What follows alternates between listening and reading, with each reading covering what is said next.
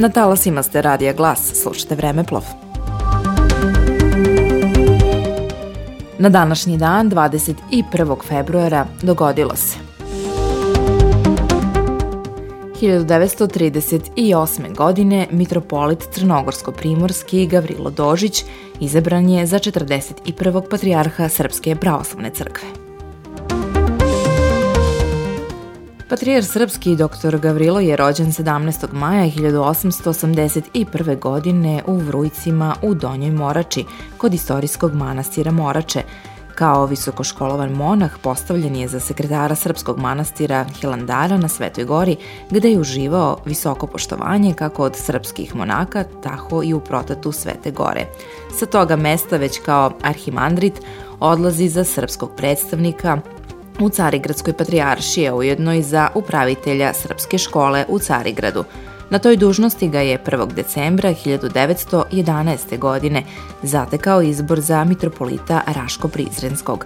Svečana hirotonija izvršena je 4. decembra 1911. godine.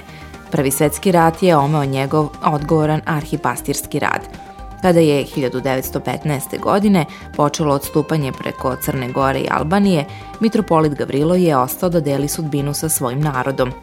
No, neprijatelj ga nije ostavio na miru, već ga je internirao u Cegled, gde je od stradanja i maltretiranja obolao te je kao bolesnik vraćen 1918. godine u Ulcinj.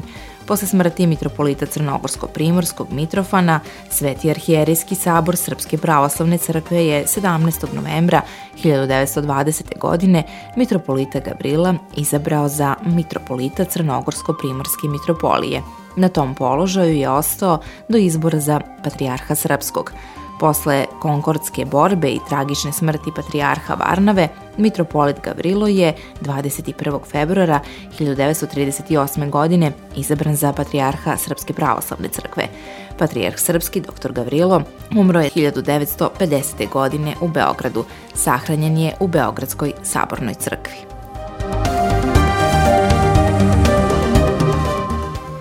1820. godine novinar i publicista Dimitrije Davidović na zagonetnu subotu u Beču objavio almanah Zabavnik sa 22 zagonetke nepoznatog srpskog autora. Ovaj datum obeležava se kao Dan enigmata Srbije. 1895. godine rođen je Milan Kašanin, srpski književnik, muzeolog, esteta, istoričar umetnosti i prevodilac. Rodio se u Belom manastiru, a gimnaziju je završio u Novom Sadu. Studirao je na Parijskoj Sorboni estetiku i istoriju umetnosti. Radio je u Ministarstvu prosvete, zatim kao upravnik Muzeja savremene umetnosti. Godini 1936. Muzej savremene umetnosti i Istorijsko-umetnički muzej su spojeni i oformljen je Muzej Kneza Pavla i za direktora je postavljen Kašanin – Zbirku Muzeja savremene umetnosti oformio je sam knez namesnik Pavle iz privatnih sredstava, takođe veliki zaljubljenik u umetnost. Kao lični prijatelj kneza Pavla, posle drugog svetskog rata Kašanin je živeo potpuno skrajnuto od redkih prevodilačkih poslova, nepotpisanih, da bi docnije bio postavljen za rukovodioca novoosnovane galerije fresaka. Bio je pokretač i glavni urednik izuzetnog časopisa Umetnički pregled, koji je uživao svetski ugled i kao književnik bio je izuzetan stilista. Dela, jutrenja i bdenja, slučajna otkrića, zarobljenici, kamena otkrića, srpska književnost u srednjem veku, srpska umetnost u Vojvodini.